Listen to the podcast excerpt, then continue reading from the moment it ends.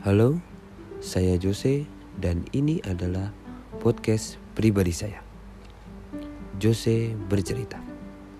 Dalam podcast ini, saya akan membahas seluruh cerita-cerita saya yang pernah saya alami.